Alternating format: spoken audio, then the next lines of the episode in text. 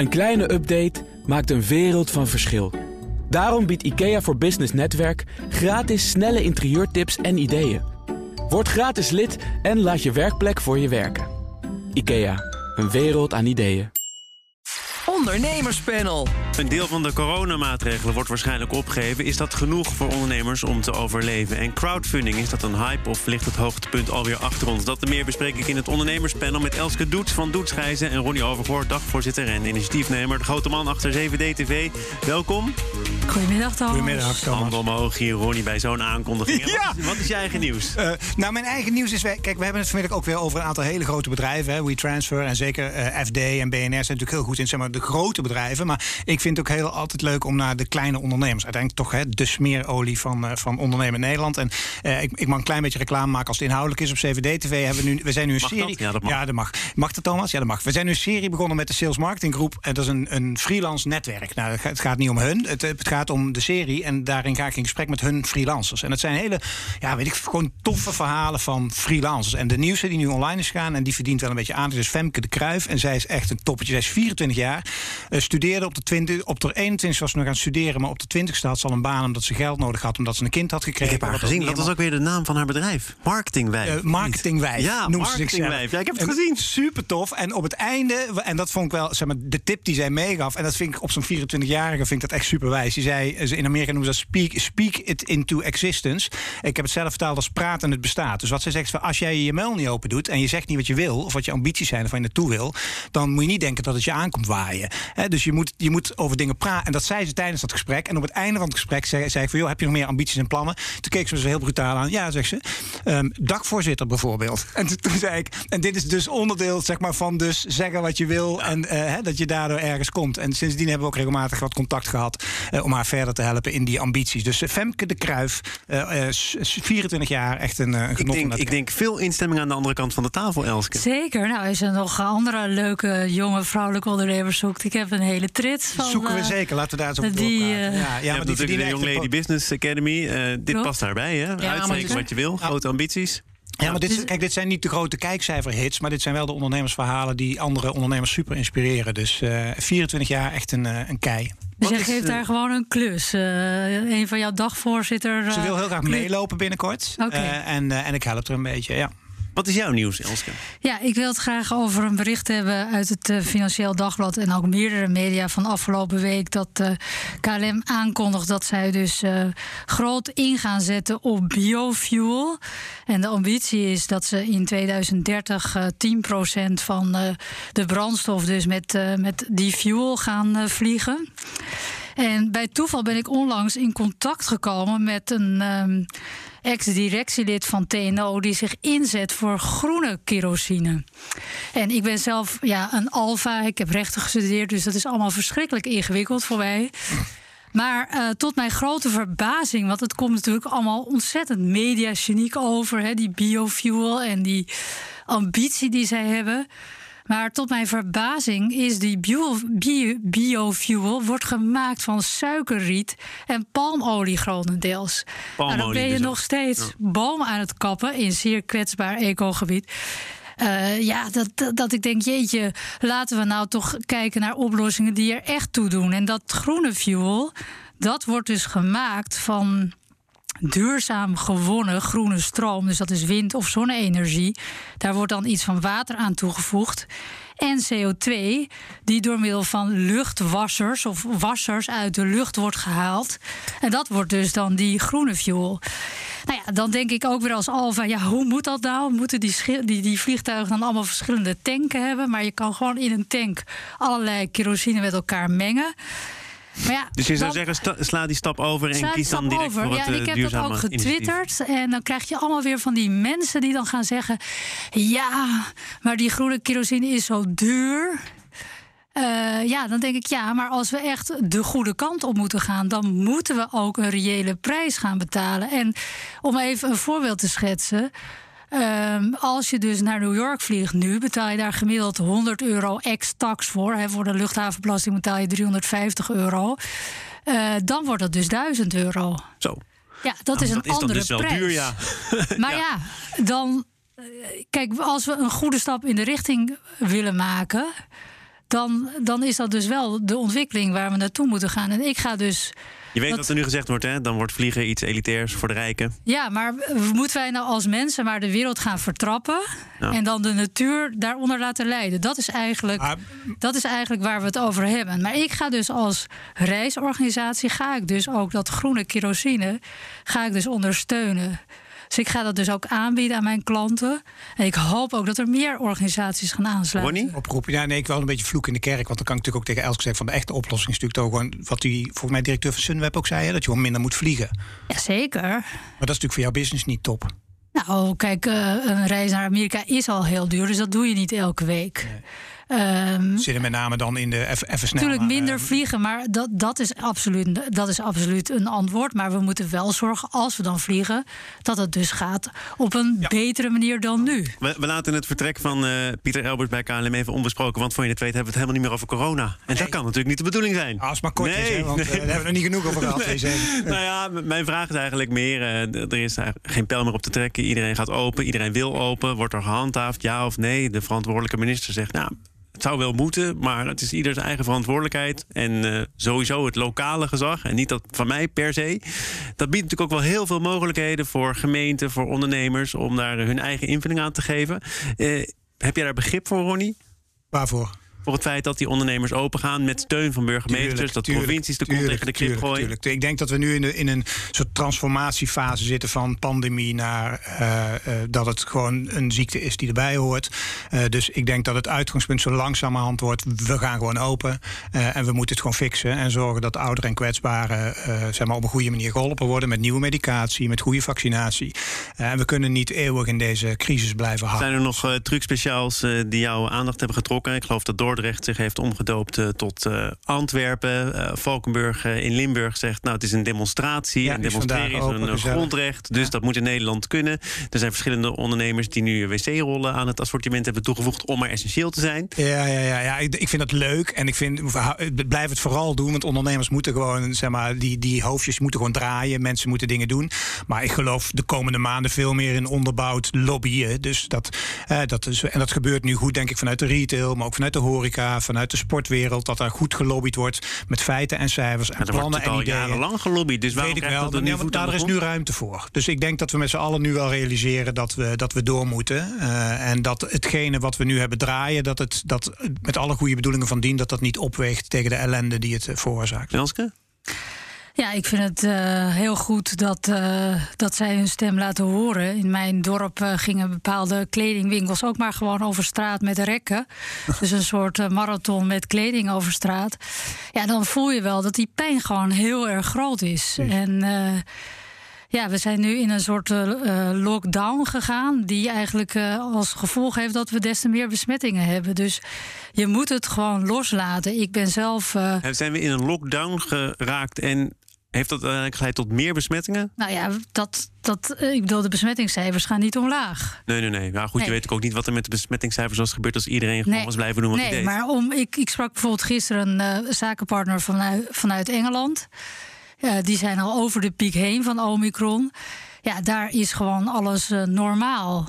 nachtclubs zijn open. zij hebben ook hele andere ja, inreisregels. Dus op dit moment is het bijvoorbeeld zo dat mijn klanten, als ze terugreizen, moeten ze van de Nederlandse overheid een negatieve PCR-test hebben. Uh, ja, dat geeft natuurlijk ontzettend veel stress bij mensen. Nou, in Engeland hebben ze nu ingevoerd dat je test op het moment dat je landt, ja. zodat je thuis in quarantaine kan gaan. Ja, dat dat, ja, en ik, ik zal je vertellen, ik ben zelf uh, net in Dubai geweest. Nou, daar heb je dus uh, een 100% vaccinatie, gewoon een zero tolerance beleid. Iedereen draagt daar, of je nou op het strand bent, of in een buggy zit, of in een winkelcentrum bent, een mondkap. Gewoon ook gedisciplineerd. En daar zijn daar gewoon geen patiënten in de ziekenhuizen met corona. Ja, en dan denk ik wij laten ons natuurlijk ook gijzelen door een groep die zich niet wil laten vaccineren. Ja, laten, we, laten we nou, dat kunnen we ook nog even in het kader van de lobby wel benoemen. In retail, de belangenbehartiger voor eh, de detailhandel in Nederland, mm -hmm. die is nu onder voorwaarden uh, voorstander van zo'n 2G-beleid voor een coronapas, waar ze zich mm -hmm. tijdenlang tegen hebben verzet. Mm -hmm. Geeft dat aan dat er een veranderend inzicht is? Of geeft dat met name aan dat veel ondernemers echt met hun rug tegen de muur staan. Dat laatste, denk ik. Want het is echt het, het is niet uit politiek beleid dat ze dit zeggen. Dit is, dit is puur uit als je als ondernemer en als hele branche het water aan je lippen staat. Uh, dan ga je naar dat soort noodmaat. Maar nogmaals, ik ben ervan overtuigd dat dit een tijdelijk. En dat is lastig om nu te zeggen, weet ik, omdat het tijdelijk al twee jaar duurt. Maar ik ben ervan overtuigd dat dit een tijdelijk uh, shit is. En dat dit uiteindelijk achter ons gelaten wordt. En dat we naar een griepachtige situatie toe gaan. Wat je, wat je nu gaat krijgen, met name als je zo meteen die persconferentie weer achter de rug hebt. Eh, dan zal blijken dat de kapper open gaat. Maar de mhm. Schouwburg niet, hoewel we een nieuwe ja, daarom, ja, maar de, ja, dat. Dat, dat, is niet vol te houden. Nee, want die, nee, die, de, de, regelgeving is nu zo bizar. Uh, zelfs de, zeg maar, organisaties als de GGD hebben aan de telefoon al moeite dat ze moeten uitleggen van hoe zit het nou met quarantaine hier. En, en als je gaat vliegen het ene land daar en dan moet je weer terug. Mensen snappen het ook allemaal niet meer. Wat voor ondernemers natuurlijk heel slim is, want dan kun je ook veel wat makkelijker is door de mazen van de wet. Uh, zeg maar, de handhavers snappen het ook niet meer straks. Dus daarom dat ik zeg, dit is een tijdelijk. We gaan naar een open situatie. We gaan, we gaan, we gaan, we gaan ook naar een ander onderwerp. Ja. BNR Nieuwsradio. Zaken doen. Thomas van Zeil. In het ondernemerspanel zijn te gast Elske Doets en Ronnie Overgoor. En het onderwerp van gesprek is WeTransfer. Gaat naar de beurs. Dat kondigde het bedrijf woensdag aan. En met die beursgang vertrekt ook de laatste oprichter, Bas Berends. Hij stopte al als algemeen directeur, werd lid van de Raad van Commissarissen. En vertrekt nu helemaal net als de twee andere oprichters. Is dat ook een heel natuurlijk moment, eh, Elske, om de deur achter je dicht te slaan? Ja, nou ja, ehm, ik heb dan wel eventjes Jitse Groen als voorbeeld. Want die uh, zit er nog steeds, uh, hè, ondanks een beursgang. Dus dat is dan een uitzondering. Uh, maar ik denk dat, dat het iets anders van je vergt als leider van een bedrijf. Als je bedrijf beursgenoteerd wordt. En dat past vaak een oprichter niet. En ik, ik kondigde dit onderwerp aan met als uh, titel, met als zin: is dat nou een last of een boegbeeld? Zo'n oprichter, als je nou kijkt naar de uitzondering die jij noemt, Jitse Groen, die natuurlijk echt vecht voor zijn bedrijf en die op alle mogelijke manieren zich manifesteert, zich op Twitter ook uitlaat, in, in discussies ja. terechtkomt. Super, super goed. Want ik ben zelf ook natuurlijk het uh, boegbeeld van een bedrijf. Ik denk uh, dat een groot verschil is uh, bij uh, iemand die CEO is, die later in het bedrijf is gekomen. Dat zijn toch wat minder kleurrijke mensen die zich ook minder kleurrijk durven te uiten. Ja, maar misschien past dat ook niet bij een beursgenoteerd bedrijf. Ja, dat, dat, dat, is natuurlijk de discussie. Ja, dat is de discussie, maar het wordt wel wat saaier. Uh, Ik denk dat interviews met zulke soort mensen voor jou ook wat saaier zijn. Ja. Nou, ik ben sneller uh, tevreden inderdaad.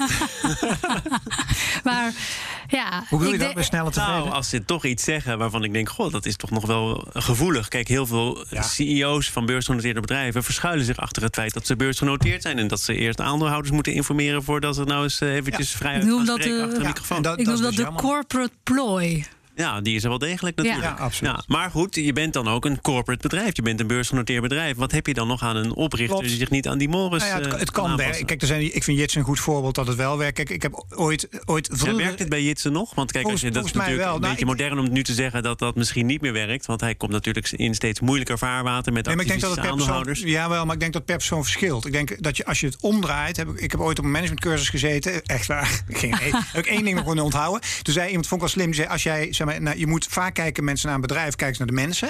En dan, en dan krijg jij die functie en jij krijgt die functie. Terwijl hij moet omdraaien. Je moet zeggen, dit is de organisatie, dit zijn de rollen. En als je dat hebt gedefinieerd, dan moet je ze gaan invullen. Nou, als je op die manier kijkt naar een normale onderneming... en dan een onderneming die beursgenoteerd raakt... dan, dan, dan verandert die rol van CEO of boegbeeld... die verandert qua expertise. Je moet meer bestuurlijk zijn. Je moet inderdaad niet meer lopen flap uit op BNR Nieuwsradio. Je moet van alle dingen in je hebben. En als dat dan blijkt niet meer te passen in jouw profile en dit, bedoel, ik weet ooit nog over van Free Record Shop. Die heeft zijn bedrijf van de beurs afgehaald. George Banken van Detron, net weet zo. Je, je, weet hoe opgelucht mensen soms zijn, hè? Als ja, ze dat gedaan denken, hebben. Die denken, huppakee, wegwezen daar. Waar, waarop George Banken overigens zei... ik heb wel geleerd om een bedrijf te organiseren als beursgenoteerd zijnde... maar ik ben er lekker vanaf gegaan omdat ik gewoon wil ondernemen... en zeg maar wil kunnen doen en laten wat ik wil.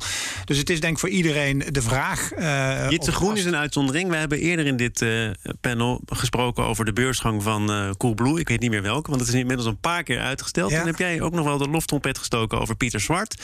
Kan hij dan aanblijven of niet? Ik, ik ken de conclusie niet meer helemaal, maar wat zou jij dan zeggen in zijn geval? Nou ja, de- de- volgens mij hebben we toen besproken eh, dat het de vraag is inderdaad of hij happy zal zijn in die rol. Of dat het een moment is om te gaan herijken en te zeggen: hé, hey, moet ik mijn hele rol weer gaan herdefiniëren en misschien wel een hele andere rol pakken. Ik ken Pieter als, ja, als een echte ondernemer. Maar goed, ik heb hem ook al heel lang niet meer gesproken. Dus die jongen heeft, is, heeft zichzelf natuurlijk ook ontwikkeld.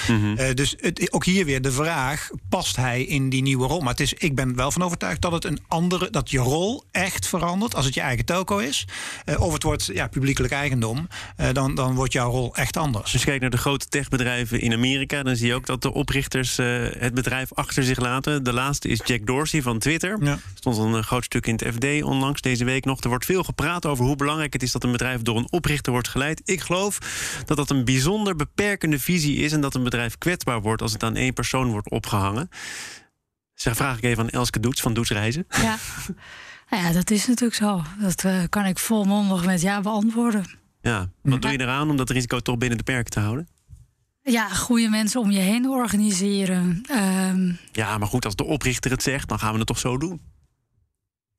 Ja, maar kijk, weet je, ehm, als ehm, ondernemer, ehm, als je, ja, in mijn geval ben ik bijvoorbeeld ook de grote aandeelhouder, ben jij toch eindverantwoordelijk en moet je toch zorgen dat er continu beweging in, in komt en die, die vernieuwing in komt. En dat is niet altijd mensen die voor je werken, dat, die kunnen natuurlijk ook aandelen hebben, altijd gegeven om die emotie te hebben en die taaiheid te hebben. Want je moet daar heel taai voor zijn.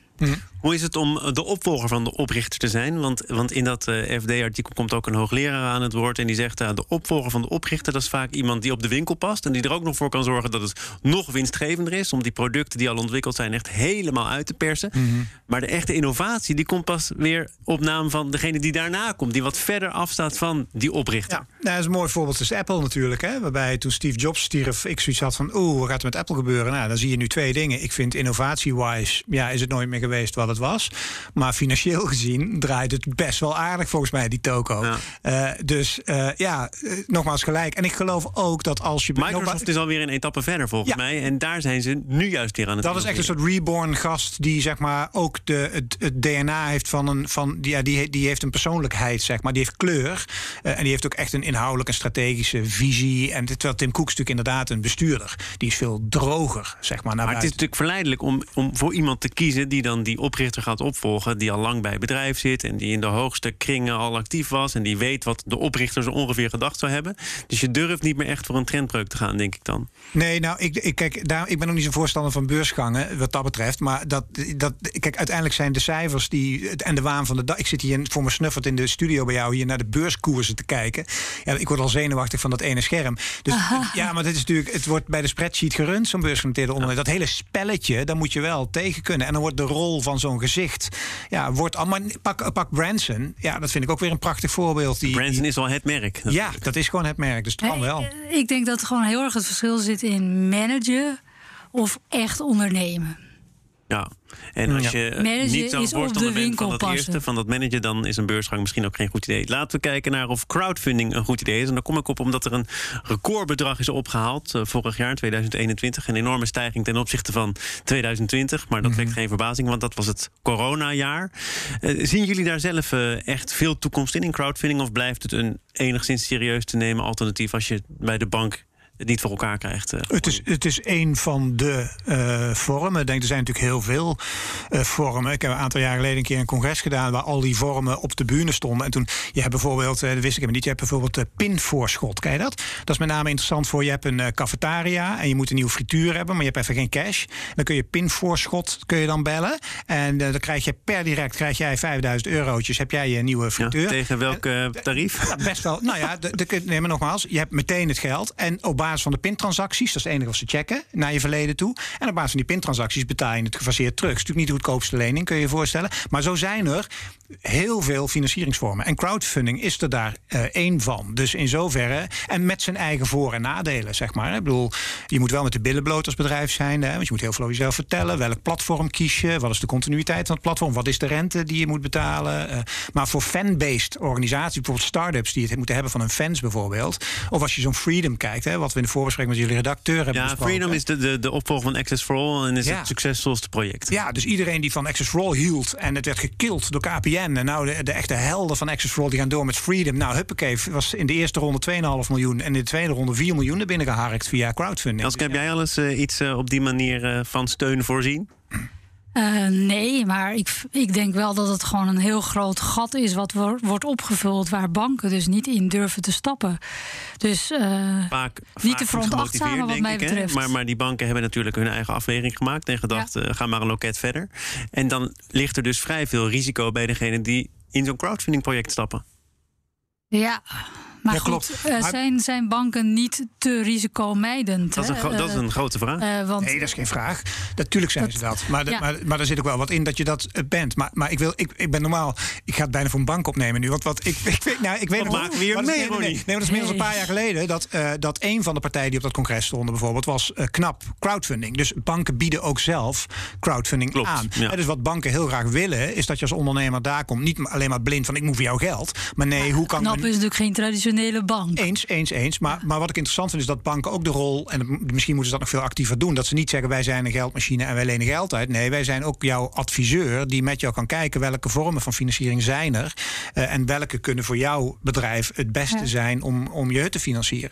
En het feit blijft natuurlijk dat heel vaak wordt er gezegd, ja maar banken, gasten, krijg je nooit geld. En, eh, ja, aan de andere kant, ik lees ook heel veel slechte ondernemersplannen. Dus Nee, nee, ik snap... snap jij Ronnie's standpunt? Dat hij toch een beetje probeert op te nemen voor die Eh, risicoaverse nou ja, bank? mijn, eh, Ik zit even anders in de wedstrijd. Eh, ik, Ik, kan me voorstellen de afgelopen twee jaar dat ik weet niet- Nee, nee, nee, dat heeft daar niets mee te maken. Oh. Maar ik, ik weet gewoon dat banken gewoon ontzettend risicomijdend zijn. Mhm. En eh, ik denk dat ze dit ook weer ondernemender moeten aangaan Maar dat, dat hebben we toch allemaal ook gewild. Dat die bank zich wat zou terugtrekken uit eh, risicovolle projecten. Want eh, dat is een reactie op de, de financiële ja, crisis die uiteindelijk, ons uiteindelijk zijn natuurlijk ondernemers wel de grote geldmachine voor banken. Dus Mhm, eh, eh, zal je toch ook.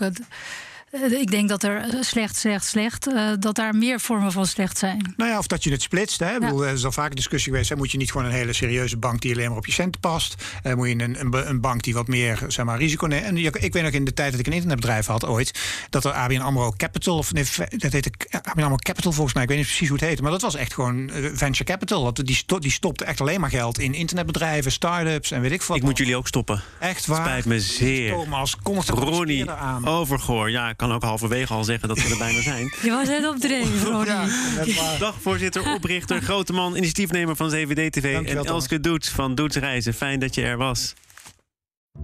Als ondernemer hoef je niet te besparen op je werkplek. Want IKEA voor Business Netwerk biedt korting op verschillende IKEA-producten. Word gratis lid en laat je werkplek voor je werken. IKEA, een wereld aan ideeën.